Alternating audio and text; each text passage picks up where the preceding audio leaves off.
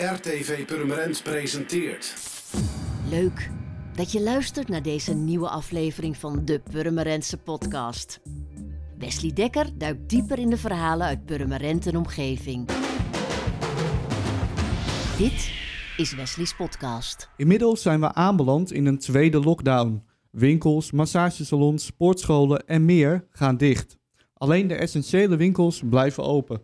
En bij mij in de studio ondernemers Marjan van Veen en Henk Schulte. Ja, Marjan, ehm, jij hebt een kapperszaak. Je hebt net Klopt. verbouwd. Hoe gaat het? Nou ja, ik ben dicht. dus dan weet je het wel. Niks. Hoe, ga, hoe gaat dat dan? Ja, hoe gaat het dan? Ja, je, je hoort op maandagmiddag om half één eh, dat eh, dan al uitlekt dat je om twaalf uur in één keer eh, je deur weer op slot moet doen. Voor de tweede keer. En wat denk je dan? Shit. Hoe Ja. hoorde je het? Eh, via een klant die eh, belde of zij eh, nog een, een afspraak kon maken. Maar ja, we zaten al echt al helemaal vol. En die zei dat er was uitgelekt dat we om 12 uur die avond dicht moesten. Word je dan op een gegeven moment na zo'n tweede keer gewoon wanhopig? Nou, ik moest, ja, ik moest wel even slikken om, om ja, mijn tranen weg te, te, te, te drukken, zeg maar. Je hebt net verbouwd. Je bent, eh, je Ja. bent eigenlijk nu een anderhalve maand open op een andere plek. Ja. In het centrum, op Padje Dijk. Je hebt daar natuurlijk ontzettend naartoe gewerkt om nu op een andere plek te gaan werken. Dat klopt zeker. En ehm, ja, het is, het is aan, aan alle kanten. Ik bedoel, eh, bij de eerste lockdown heb je nog eh, wat financiële reserves. Financiële re- reserves, ja. die zitten nu in een nieuwe winkel. Waar ik echt super blij mee ben. En daar heb ik dus eh, twee maanden van mogen genieten. En nu ben ik straks vijf weken dicht. Maar ook geen inkomsten, maar ook geen reserves meer. Dus ja, hoe ga je dat allemaal doen? Daar lig je wel even een nachtje wakker van. En wat denk je dan in zo'n nachtje? Af van alles. Maar je kunt niks. Is dat het, het, het, het lastigste daaraan? Dat je gewoon echt Ja. helemaal niks eraan kan doen? Het is de onmacht. Het wordt voor je beslist en je mag niks. Dus je, ja, je kan van alles verzinnen. Maar ja, niks mag. Nee. En Henk, jij hebt een boekwinkel midden in Purmerend.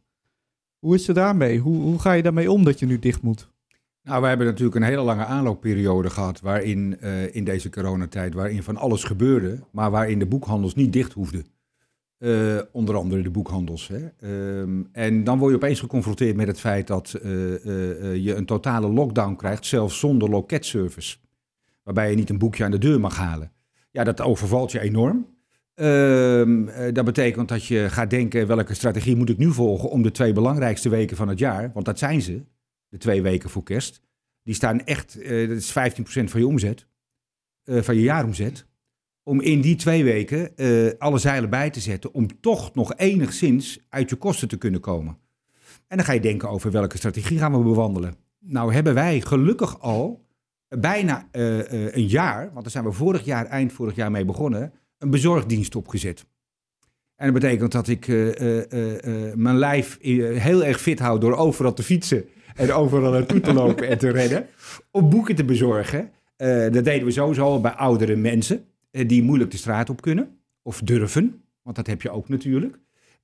En mensen die niet in staat zijn om even snel naar de winkel te, te, te lopen. Dus bezorgen deden we al lang, dus we waren enigszins voorbereid. Dus we hebben vorige week ook met man en macht eh, een team opgezet. Waarmee we nu dagelijks eh, ja, eh, eh, honderden boeken rondbrengen. Hoe groot is dat team? Uit wat voor We soort zijn, we mensen zijn met vier man nu.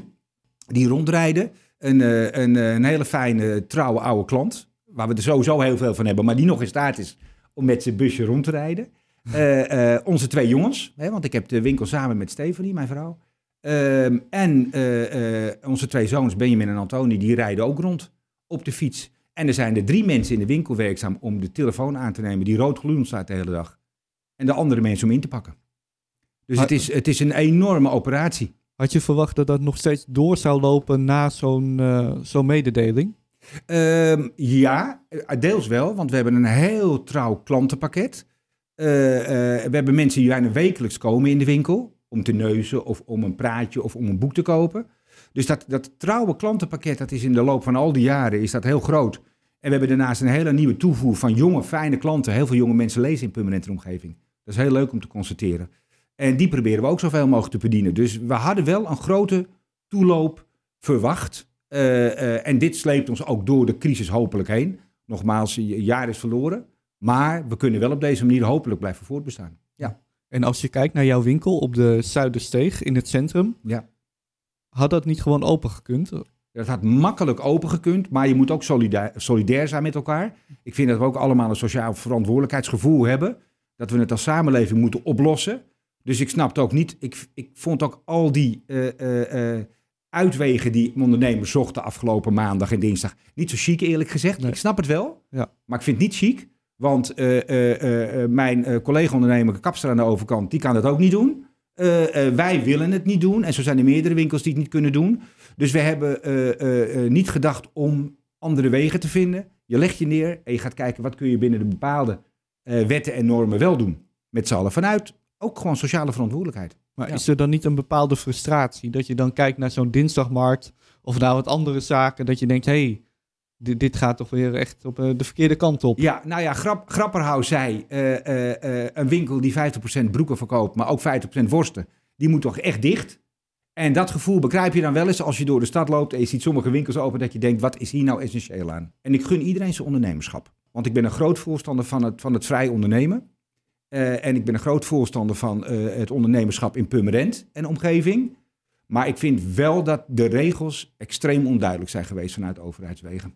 Marjan, hoe kijk jij daarnaar? Ja, ik uh, geef Henk helemaal gelijk. Er is inderdaad wel best wel veel onduidelijkheid.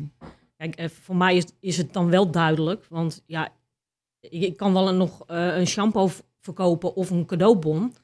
Maar ja, dat is het dan ook. En ja, voor de rest houdt het voor mij op. En dan kan je nog zo creatief zijn, maar wat Henk ook zegt, we moeten het met z'n allen oplossen. En ja, soms moet je je bij dingen neerleggen.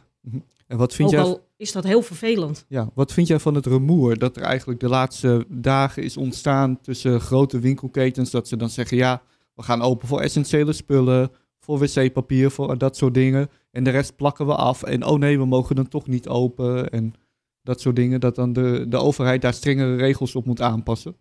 Ja, ik vind dat, dat ik, ik, ik was helemaal verbaasd. Dat, dat, en dat je dan op een gegeven moment, uh, ik meen dinsdag of woensdag hoorde dat de Action en de Vibera in één keer ook hun deuren opent. Ja, dan ben je flabbergasted. Dan denk je, ja, hoe dan? Nou, als ik daarop in mag haken, weet, wat, wat, kijk, weet je, wat je ziet is dat uh, we nu in een soort marktsituatie zitten waarin er sprake is van, noem het maar even, oneerlijke concurrentie of oneigenlijke concurrentie. Albert Heijn mag wel een boek verkopen ja. en mag open. En daar mag je wel gewoon je boek halen. Of je shampoo. Klopt. Uh, je, mag wel, je mocht wel op de vraag, laat ik hem anders uh, uh, beantwoorden. Op de vraag, wat vind je ervan dat die grote bedrijven wel open gaan? Kijk, wat je ziet is, zij mogen wel dat telefoonkabeltje verkopen. Mhm. Terwijl, waarom? Zij zijn open. Maar hier in het, in het centrum, hè, mogen dat kabeltje niet verkopen op dat moment. Dat is oneerlijke communicatie. Zij mogen wel een boek verkopen voor kinderen, ja. maar wij niet. Nee. Dat is oneerlijke concurrentie. En dat is nou iets wat we juist niet in zo'n mooie, vrije samenleving als de onze moeten willen. Er moet gelijkheid zijn. En dat is er nu niet. En daar laat het kabinet, vind ik, een enorme steek vallen. Ja. Want je, hebt natuurlijk ook heel veel mensen, dat hoor, je ook, hoor ik ook wel in mijn eigen omgeving, die dan zeggen: ja, dan koop ik dit jaar gewoon alles online. Denk jij dat die mensen dan volgend jaar nog naar jouw boekwinkel gaan? Nou, dat is wel, uh, dat hoop ik wel. En uh, um, uh, ik denk dat wij, nogmaals, ik denk dat wij een heel trouw klantenpakket hebben.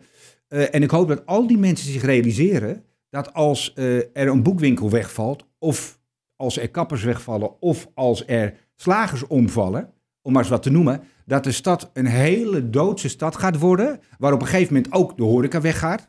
Want waarom zou je nog naar de stad gaan als je niet even tussendoor een kopje koffie kan pakken? Die wederzijdse werking tussen horeca, cultuur en ondernemen, die is essentieel in zo'n kleine stad als de onze. Het stadje, waar heel veel mensen plezier aan beleven. Dus als mensen allemaal online gaan uh, uh, kopen, ja, wie ben ik om het te verbieden? Dan heeft dat enorme consequenties. Ja. Ja, er zijn ook al heel veel discussies over geweest, uh, over dat wat je nu zegt. En, uh, maar de mensen doen het zelf. Want ze kopen allemaal massaal online. En vervolgens de kleine ondernemer, uh, hè, noem maar op wat, die vallen om. En ja, er is niks meer te doen in de stad. Nee, maar dat hebben ze allemaal zelf veroorzaakt. Nou ja, de mensen zijn er mede schuldig aan. De ondernemer ook, door niet op de juiste manier te communiceren altijd. Hè, en door niet eh, door de juiste impulsen te geven aan de markt. Kijk, om een voorbeeld te geven, wij doen veel samen met P3 de laatste tijd. En we doen altijd al veel met eh, Theater de Pummerijn. eh, zoals je weet. En je zoekt de verbindingen op om met elkaar leuke dingen te ondernemen. En interessante dingen te ontwikkelen. Eh, dat valt weg als er ook winkels omvallen. Weet je, het, het, is echt heel erg bepalend dat we de wisselwerking houden tussen ondernemen in de stad. En, en ook creatief ondernemen. Ook veel kansen bieden aan jongeren overigens hoor. Eh, en, en horeca en uitgaan en al die dingen meer. Dat maakt een stad leuk. Daarom is het stadje ook zo leuk, denk ik. Omdat mensen dat herkennen. Ja, en als daar eh, belangrijke ankers, noem ze zomaar, wegvallen. Ja, dan hebben mensen op een gegeven moment ook niets meer om zich aan vast te klampen. En het stadje op te zoeken. En dat is echt wel heel erg. Dat zou heel erg verdrietig zijn, vind ik. Ja. En is dat dan ook op een gegeven moment over een paar jaar een bepaalde ervaring die je dan weggeeft in een winkel? Absoluut, tuurlijk. Want dat gaat gebeuren. Kijk, weet je, eh, eh, eh, je, je kan, je- om maar eens een voorbeeld te nemen, je kan een thuiskapper laten komen, maar dan krijg je een ander advies dan wanneer meerdere mensen in de winkel naar je, naar je, naar je gezicht, naar je haar kijken, een zekere vorm van kritiek hebben. We doen het ook omdat we van ons vak houden. Het is niet alleen maar geld verdienen. We houden van ons vak. Daarom investeer jij ook in je winkel. We houden van ons vak. Eh, eh, de, de, de internetreuzen, om ze zo maar eens even te noemen, die doen dat maar voor één ding. En dat is geld, aandeelhouderswaarde. En dat doen wij niet. Wij willen een waarde vertegenwoordigen voor de samenleving, voor de stad. En daarom doen wij het. En wat mijn idee dan ook is, we hebben het net al gehad over bij zo'n kapsalon, dat je dan toch wel bij zo'n thuiskrapper, dat je dan toch wel een bepaald advies krijgt. En dat is misschien in een boekwinkel ook wel zo. Dat je dan ehm, online toch wel gauw je eigen dingen krijgt. Waarvan eh, als jij ziet van nou ja, jij zoekt heel vaak op eh, de EU of op eh, geschiedenisboeken. Dat je dan ook bij zo'n webwinkel die suggesties krijgt. Dat je dan ook nooit buiten je patronen gaat. Nee, dat, is, dat, is het, dat is heel belangrijk geweest, want die algoritmes zijn niet, eh, eh, die leunen niet op eh, wat mensen zijn, maar die leunen op hun klikgedrag. En die leunen vervolgens ook op wat kunnen wij vervolgens aanbieden. Dus die gaan uit van hun eigen assortiment. Ja. Dus als ik op een thriller klik, krijg ik alleen maar thrillers. Maar ik kan toevallig op die thriller klikken als cadeautje. En helemaal niet omdat ik die persoon ben. Nee. Dus als je door algoritme bepaald wil worden, en er is een hele mooie documentaire hè, op, op Netflix over social media. Eh, ga er maar eens naar kijken. Dan zie je de angst eh, eh, in de ogen van mensen die het slachtoffer daarvan geworden zijn. Want ze bepalen jouw levensritme zo langzamerhand. En dat is erg jammer. En ik denk dat er wel een terugklap komt naar, naar, naar de samenleving. Dat we weer gewoon hè, de kapsalon in willen lopen. Of, en, en de boekhandel. En gelukkig gebeurt dat nog. Anders had jij ook niet je nieuwe winkel kunnen beginnen. Nee. Maar ik denk wel dat we heel langzaam erachter moeten gaan komen met z'n allen. Dat die internetgiganten en op macht uit zijn. En op geld en nergens andersom. Hoe sta jij daarin? Eh, ik denk dat Henk eh, inderdaad gelijk hebt. Nou, is dat voor mij natuurlijk lastig. Want ja, knippen kan nog niet via internet, Nee. gelukkig. Dus ja, ik, ik merk wel dat eh, het assortiment die je verkoopt aan, aan thuis, of voor, voor verzorging voor thuis, dat kun je ook heel makkelijk via internet kopen. En alleen dan, eh, hè, want je klikt erop en je koopt het, maar bij de kapsalon krijg je er advies over. Je kunt als kapper eh, kijken naar het haar van oké, maar je kan beter die dan pakken in combinatie met dat product. Kijk, en dat kan je niet via internet. Dus ik denk dat daar de kracht wel in blijft zitten. De, de stenen winkels, die verkopen natuurlijk ook... Ja, we verkopen producten. Hè? We moeten ook allemaal eten, dus dat is ook belangrijk. En je wil ook een mooi groot service domein hebben in je binnenstad. Maar we verkopen natuurlijk uiteindelijk service. Ja? Want ze kunnen met welk boek dan ook naar buiten gaan. Ze kunnen met welke shampoo dan ook naar buiten gaan. Maar het allerbelangrijkste waarvoor, ze, waarvoor men komt, is de service. En de aandacht. Ja, dat is het. Ja. En, en, en dat is ontzettend belangrijk. En niet, eh, ik, een voorbeeld, hè? Ik, ik woon nu vijf jaar in Zuidoost-Beemster. En eh, eh, sinds die tijd koop ik echt, denk ik, 90% van mijn spullen in het binnenstadje. Ook mijn kleding. Terwijl ik ervoor ook andere keuzes maakte. Maar ik vind het heel belangrijk. Nou ja, dan heb ik maar geen zwarte trui van dat merk, maar van dat merk. Nou, daar word ik niet minder oud van hoor. Eh, eh, en, ik, en ik help wel heel veel. En ik vind het ook, het geeft me heel veel voldoening dat ik dat op die manier doe. En dat is geen eh, slap kletspraatje van de oude kerel, maar dat meen ik echt. Ik meen het echt. Ik krijg heel veel voldoening van dat gemeenschappelijke gevoel met z'n allen. Maar Jan, hoe sta jij daarin als ondernemer? Dat je zelf ook bewust je keuzes maakt in de binnenstad? Ja, ik koop, mijn, ik koop helemaal niks online. Nee. Want eh, A, heb ik helemaal niks met computers. en B, vind ik het al heel gedoe. En eh, ik loop liever ehm, eh, even, als ik een moment tijd heb, mijn winkel uit... om even gewoon bij mijn buren te gaan kijken. Wat hebben jullie? En dan koop ik dat daar. Dat heb ik ook altijd gedaan. Al, al zolang ik ondernemer ben in Purmerend, heb ik dat altijd gedaan. Ja. En jouw kinderen? Ook niet. Nee. Dus dat is niet een generatiedingetje, dat is echt iets wat gewoon bij jullie allemaal erin zit. Van goh, even kijken hoe het is. Of Nou ja, ik denk, ik, ik- wat ik denk qua kinderen, als jij eh, niet het voorbeeld van je ouders krijgt, dan eh, ga je dat ook niet volgen. En ze zullen heus wel op internet kijken eh, om, om iets te zien of hoe of wat. Maar ja, als mama het dan moet kopen, dan gaat mama toch naar de plaatselijke ondernemer, eh, op wat voor gebied dan ook. Ja, en weet je, er is niks mis met online kopen, nogmaals, als, je, als het niet in de fysieke winkel kan, in de stenen winkel. Ja. Maar als het wel in de stenen winkel zou kunnen, zou ik zeggen van doe dat kleine beetje moeite en wandel even naar het stadje. En ga er vooral niet zeuren over het feit dat je niet kunt parkeren, tenzij je gehandicapt bent en niet kunt met de Ja. fiets of wandelen. Want we wonen allemaal zo dichtbij in, dit, in dit verzorgingsgebied. En je kunt altijd wel ergens parkeren. Ja, maar dat, dat vind ik dan ook weer zo suf, hè. Dan hebben ze het weer over... Ja, maar goed, dat is mijn persoonlijke mening.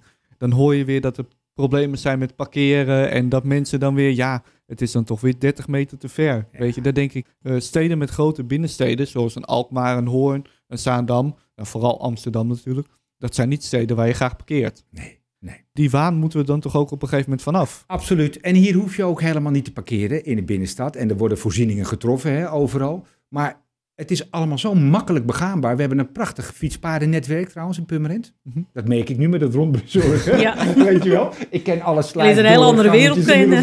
Ja. Eh, maar nee, we hebben gewoon een heel goed fietsnetwerk. Ja. Dus je kunt alles heel makkelijk bereiken. Nou ja, sterker nog, als ik vanuit mijn huis eh, vlakbij de Purmerring vaart, in de Purmer, als ik vanuit daar hier naartoe ga, dan ik sneller met de fiets langs de woonboten, dan dat ik helemaal via het leegwaterbad, leeg, via het zwembad hier naartoe kom. Ja, ja. Kijk, en nogmaals, als het niet kan, dan moeten we zorgen dat er eh, plekken zijn voor ouderen of Ja. invaliden of hoe je het ook allemaal noemen wilt. Maar die kun je gewoon makkelijk maken. Maar laat zei iemand tegen me, ja, ik ga eigenlijk nooit meer naar de koemarkt om wat te eten, want ik kan mijn auto niet kwijt. En toen zeg ik, waar woon je dan? Ja, in de Weide Venne, denk ik, joh, pak lekker de fiets. Jonge kerel ook, weet je wel, wat is je probleem? We hebben een hele mooie brug van 16 miljoen. Ja, wat is het probleem? Pak lekker de fiets. En ga lekker op de koemarkt zitten eten. Ja, Ja, maar goed, de parkeergarages zijn tegenwoordig s'avonds ook allemaal open. Ja, Dan kan je 24 uur kun je daar tegenwoordig in en uitrijden. ja, Dus ja. parkeerplek s- genoeg. Maar als je de fiets pakt, kun je een heerlijk glas wijn nemen. Ook dat. Hè? Zeker. Ja. en sinds dat jij bezorgt hè, met de Ja. fiets, fiets jij dan ook meer in je vrije tijd? Ik fiets sowieso al veel. Dat deed ik sowieso al veel hoor. Dus fietsen is voor mij makkelijk. Ik moet zeggen, ik heb er wel een ondersteuning bij. Ik heb zo'n moderne Amsterdamse eh, eh, elektrische fiets, weet je wel. Oh ja, nou komt de aap uit de mouw. Waarvan ik het Ja. niet mag noemen natuurlijk. Ehm, maar dit is een hele mooie fiets. Ehm, en daar ben ik ook heel erg blij mee. Eh, eh, en, en, maar ik kan net wat meer overbruggen daardoor. Want anders, rij, weet je, het gaat net wat sneller allemaal. Ehm, dus dat, dat faciliteert wel het bezorgingsniveau wat we kunnen bieden. Ja, en je gaat Ja. ook wat makkelijker een dijk op of een, Ja, of dat een is zeker waar. Ja. Ja, of als je wind tegen hebt. Dus het, dat helpt enorm. Ja. Ja, dus dat, eh, op de scooter zul je me niet zien springen. Nee, Nee, nee. nee. En hoeveel boeken bezorg je ongeveer per eh, week, per dag? Oh, kijk, nou, in, in, eh, normaal gesproken is het altijd wel een aantal boeken.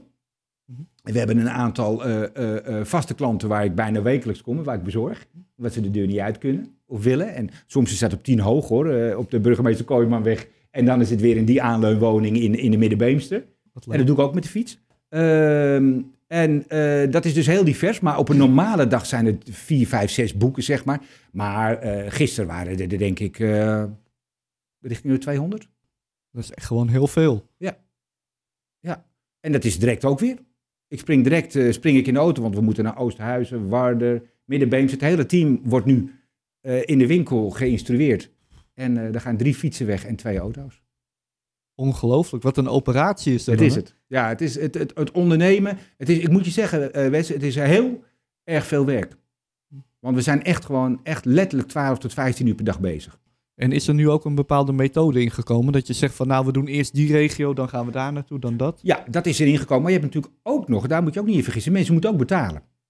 Dus als ik 200 factuurtjes moet gaan uitschrijven, dan ben ik s'nachts ook nog aan het werk. Dus Ja. je hebt mensen die kopen via de webshop en daar betalen ze al. Je hebt mensen die niet betalen, nemen een mobiele pin mee. Eh, en je hebt mensen die niet mobiel kunnen pinnen. Nou, geen cashgeld hè, als we onderweg zijn. Dat lijkt me niet verstandig. Dus daar sturen we dan een tikkie of een, eh, of een, eh, of een factuurtje. Dus het is echt een hele operatie, want je zit op impactniveau. Die wil kerstpapier, die wil... En dat doen we allemaal. Maar het is, het is heel veel werk. En in vergelijking met je normale omzet in deze tijd van het jaar. Eh, is het eh, nog geen 25%. En als je kijkt naar het hele jaar, want in, in maart en april hebben jullie natuurlijk wel, kan ik me voorstellen, een topomzet gedraaid. Ja, Hoe, Ja. hoe ga je het jaar uit? we gaan het jaar hopelijk kostendekkend uit. Maar dat is ook nog wel de vraag. Dat, is nog, dat, is, dat hangt er vanaf hoe het de komende tien dagen gaat. En, Ja. en in vergelijking met vorig jaar, hoe ging het toen? Ja, dan, dan, ik- weet je, als je vorig jaar kerst kijkt, stonden de, de rijen stonden tot, eh, tot aan de overkant van CNA en de hoek om. En ja, mensen willen allemaal lekker bij de lokale eh, eh, winkel shoppen. Dus dan is het hartstikke druk en dat is ook van belang voor ons. Mhm. Ehm, maar eh, ja, dat is nu natuurlijk in geen veld of wegen te Nee. herkennen. En was Ja. vorig jaar dan een jaar waarvan je zegt van nou, dat was wel echt heel bijzonder? Vorig jaar was het gewoon een goed jaar, zoals, zoals alle jaren. De jaren zijn allemaal min of meer met elkaar vergelijkbaar en hopelijk groeien steeds voor, door de prijsstijgingen. Ja. Maar ja, Stephanie en ik hebben vorig jaar de winkel overgenomen eh, eh, in, eh, in juni 2000, eh, 1 juli 2019. Eh, dus we hebben een behoorlijke investering gedaan. We hebben de hele, het meubilair helemaal vernieuwd en veranderd. Eh, eh, 10 januari komt er een nieuwe balie. Dus ga, zie maar in wat, wat voor een investering we hebben gedaan in anderhalf jaar.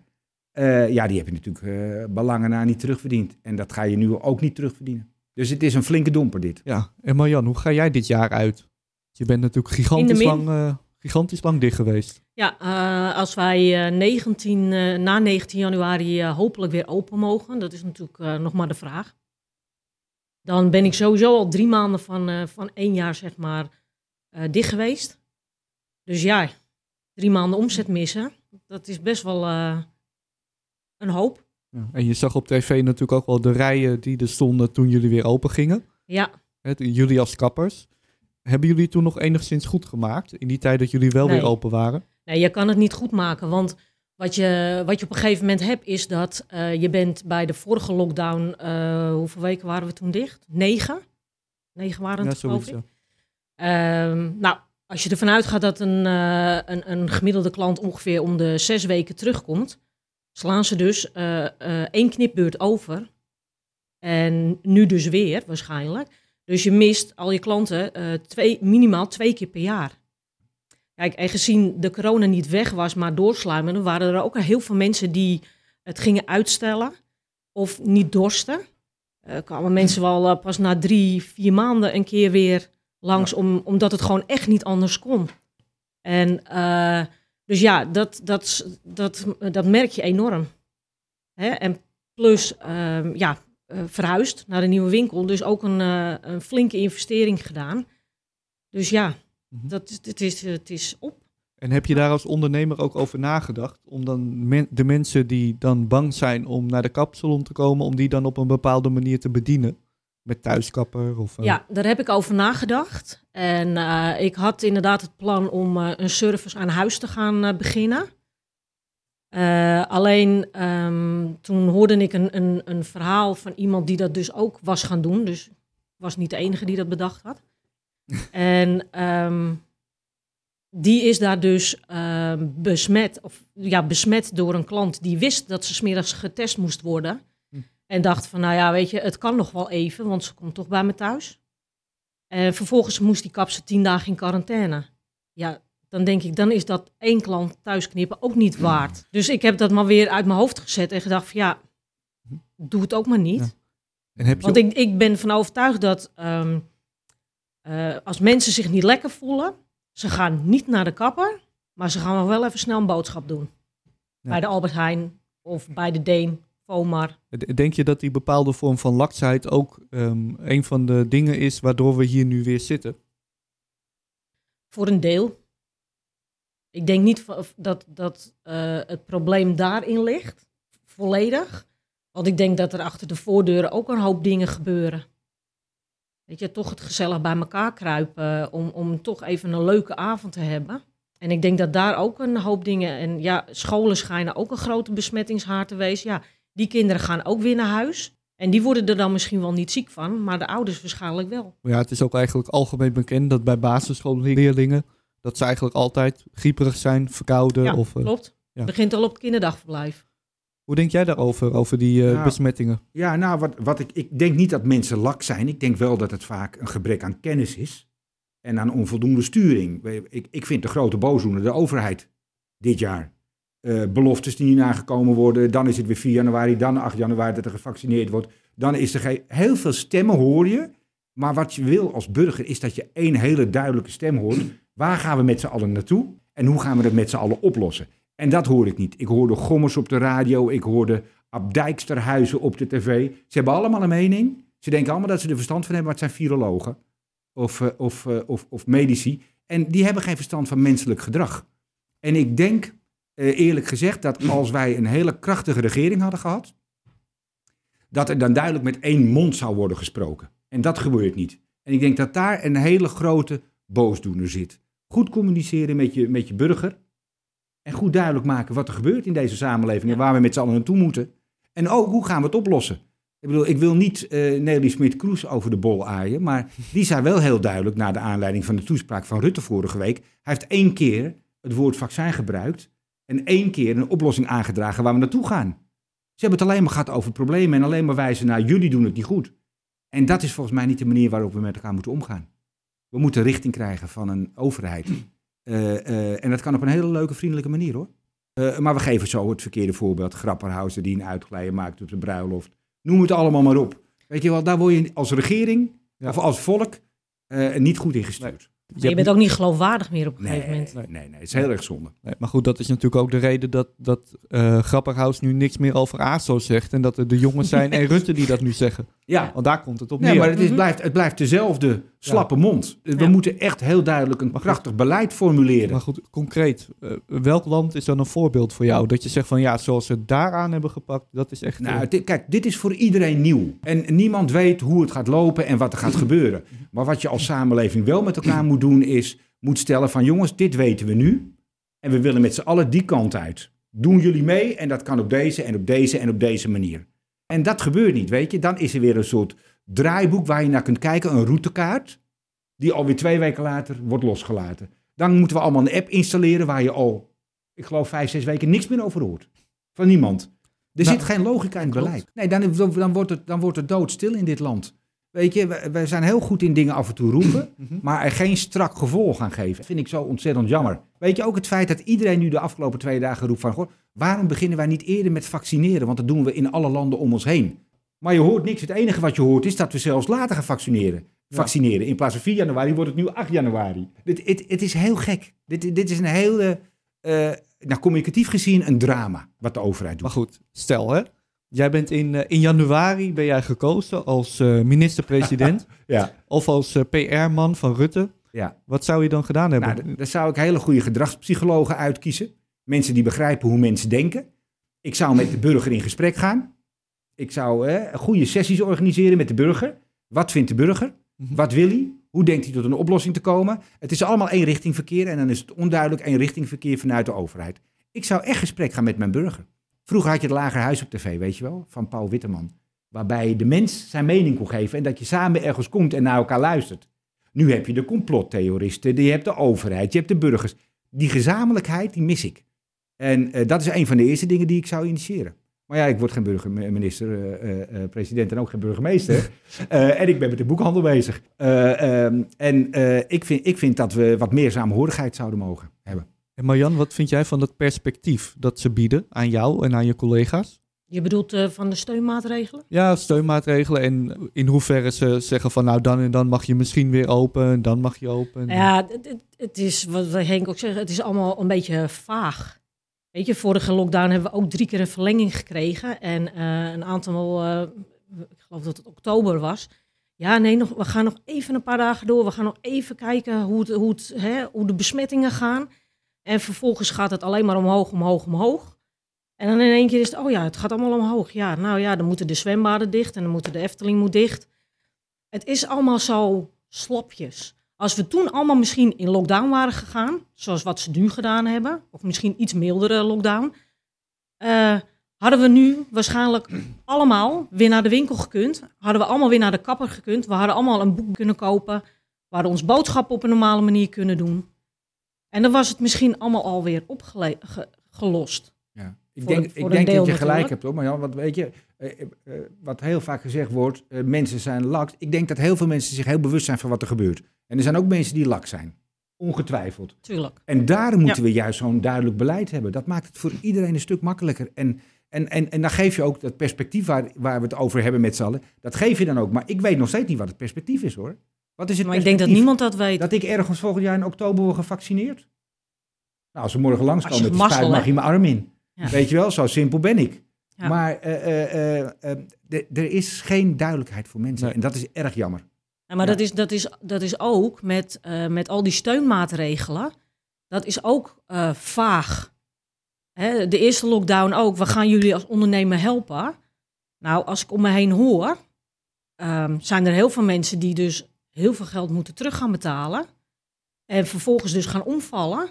En eh, als je ook ziet wat je allemaal in moet vullen. Nou, het is voor mij abacadabra hoor. Ja, plus het feit dat het een, het is een druppel op een gloeiende plaat natuurlijk. Hè. Het is Tuurlijk. goed dat we steun krijgen. En als Om de te overleven, zegt, zeker. gaat weer 40 miljard tegenaan, dan klinkt dat als heel veel. Ja. Maar wij krijgen, om, hè, want dat, dat is ook bekend natuurlijk, wij mogen 500 euro per week aanvragen als je omzet daalt met 70%, meen ik. Eh, Ehm, ten opzichte van dezelfde periode vorig het- jaar. Nee, van 30. Ja, de, de ene eh blokje steunmaatregel was 20%, de Ja. andere was weer 30%. Ja. Toen was het weer 20%. En ehm, Maar het is, het is dus een druppel op een groene plaat. Die 500 euro in de week, daar eh, eh, kun je geen medewerker van betalen. Nee. Maar dat geeft niks. Het, de, de bedoeling is goed. En we zitten allemaal in het schuitje. En de overheid hoeft er niet verantwoordelijk te zijn voor iedere ondernemer. Want je onderneemt. Dus die, die liberale gedachte die is ook op zich prettig. Ehm, maar ja, ik weet je, ik, in, in dat opzicht ben ik wel altijd eh, eh, graag van de sociale kant ook. Dat, die, wat, die, de- dat je de zwakkeren, ook in ondernemingsland, gewoon goed moet ondersteunen. En moet kijken, wat is hun situatie? En we scheren alles over één kam. En dat is een hele lastige. Maar goed, dat is politiek en niet ondernemen. precies. maar ja, we hebben wel met ze te maken. Ja, we hebben wel met ze te maken, maar ik vind, ik vind het ondernemersklimaat hier prima. Ik bedoel, je kunt hier heel veel in deze, in deze omgeving en dat, eh, dat krijg je ook wel terug. Maar ja, dat vergeten mensen natuurlijk ook wel. Dat beste landen waar je nu kan zitten met deze crisis is natuurlijk in het Westen. Ja. Dat is gewoon zo. Ja, ja. Ja, Marjan, hoe denk je dat het nu verder gaat? Met jouw eh, Ja. winkel, met je Eh, bedrijf? Nou ja, tot eh 19 januari niks. Nee. En ja, ik, ik kan alleen maar hopen dat ik eh, na 19 januari weer eh, open mag. En dan eh, gaan we er gewoon weer met eh 200, 300 procent tegenaan. En Kijk, zijn- en ooit, ooit zal dit een keer eindigen. eh, weet je, die, dat, dat, op een gegeven moment hoop ik ook weer dat het allemaal weer normaal gaat worden. En ja, goed, dan hopen we dat we gewoon maar weer wat in kunnen halen met wat we nu eh, missen. en zijn er nog aanpassingen die je kan doen in je winkel waardoor het nog veiliger wordt? Ik heb alle aanpassingen al gedaan. Zoals? Stoelen anderhalve meter eh, ehm, minimaal uit elkaar. Ehm, we werken de laatste periode dan met mondkapjes. Handen desinfecteren als de klant binnenkomt. Alles desinfecteren als de klant geweest is en weer weg is. Ehm, ge- geen, eh, alles in papieren bekertjes, dat we het allemaal weg kunnen gooien. Dus ja, alle aanpassingen ehm, die je kunt doen, hebben wij gedaan. En Henk, hoe zie jij de komende tijd? Wat, eh, Nou, helemaal eens met Marjan. Ik denk dat de meeste ondernemers echt enorm geïnvesteerd hebben in, in het aanpassen van hun winkel. Hè. Wij hebben ook Ja. spatschermen en ik heb zelfs een apparaat gekocht met een HEPA-filter erin om alle slechte eh, eh, eh, stoffen uit de lucht te trekken. En dat werkt goed. Je hebt je deuren open, je staat in de kou de helft van de dag. Ja. Dus ik denk dat we, dat we als ondernemers met z'n allen wel heel serieus omgegaan zijn met het fenomeen corona. Ehm, hoe zie ik de toekomst? Ja, ik hoop van harte dat we allemaal 19 januari open mogen. En dat we dan heel erg verstandig en gezond blijven ondernemen. Wat we eigenlijk al deden. Want nogmaals, ik vind deze totale lockdown. Eh, die had beter gereguleerd moeten worden. En dan hadden we misschien wel mondjesmaat. Waarom zou Marjan niet elk uur één klant mogen hebben en met een spatscherm kunnen werken? Waarom niet? Dat moet best kunnen. Ik, ik begrijp ook wel dat bij sommige beroepen het niet mogelijk is. Nou, die moeten we dan extra faciliteren en subsidiëren. Ik zou geen subsidie hebben gehoeven als ik een loketdienst zou mogen hebben. Dus die 500 euro voor mij zou per week naar bijvoorbeeld een Marjan of een fysiotherapeut die niet open kan gaan, kunnen gaan. Maar dat is nou wat ik bedoel met alles over één kam scheren. Je moet heel erg goed categoriegebonden kijken. Wat is nodig en wat is niet nodig. Met een loket open zou het een stuk makkelijker voor ons geweest zijn en zou mijn subsidies naar iemand anders kunnen. Ja. Kortom, Ja. jouw betoog is eigenlijk net als die bekende, bekende woonwarenwinkel. Niet in problemen denken, maar in oplossingen. Absoluut. Ja. Absoluut. Ja, ja. Want met wat- problemen denken ga je er niet komen. Nee. En wat ga je als eerste doen als alles weer mag? Als alles weer mag, Ja. Nou, dan ga ik denk ik iets leuks bedenken voor al die trouwe klanten die ons gesteund hebben. Ja. Eh, eh, ik denk dat dat de eerste stap zal zijn die ik zal doen. En dan hoop ik dat de Purmerijn open is of zo. En dat we een hele mooie, bijzondere schrijver... De laatste die we hadden was Adriaan van Dis eind september. Maar dat ik een hele mooie schrijver of schrijfster eh, kan uitnodigen. En, en, eh, en, en onze klanten eh, eh, zo'n mooie, eh, mooi moment kan bieden. Dat hoop ik. Oké. Ja. En Marjan, wat ga jij als eerste doen als alles weer normaal is? Eh, mijn deur open doen en eh, mijn boeltje opstarten en ehm, heel gauw weer aan het werk. Ja. Want ik, eh, ik mis het nu al. Nou, dankjewel. Ja.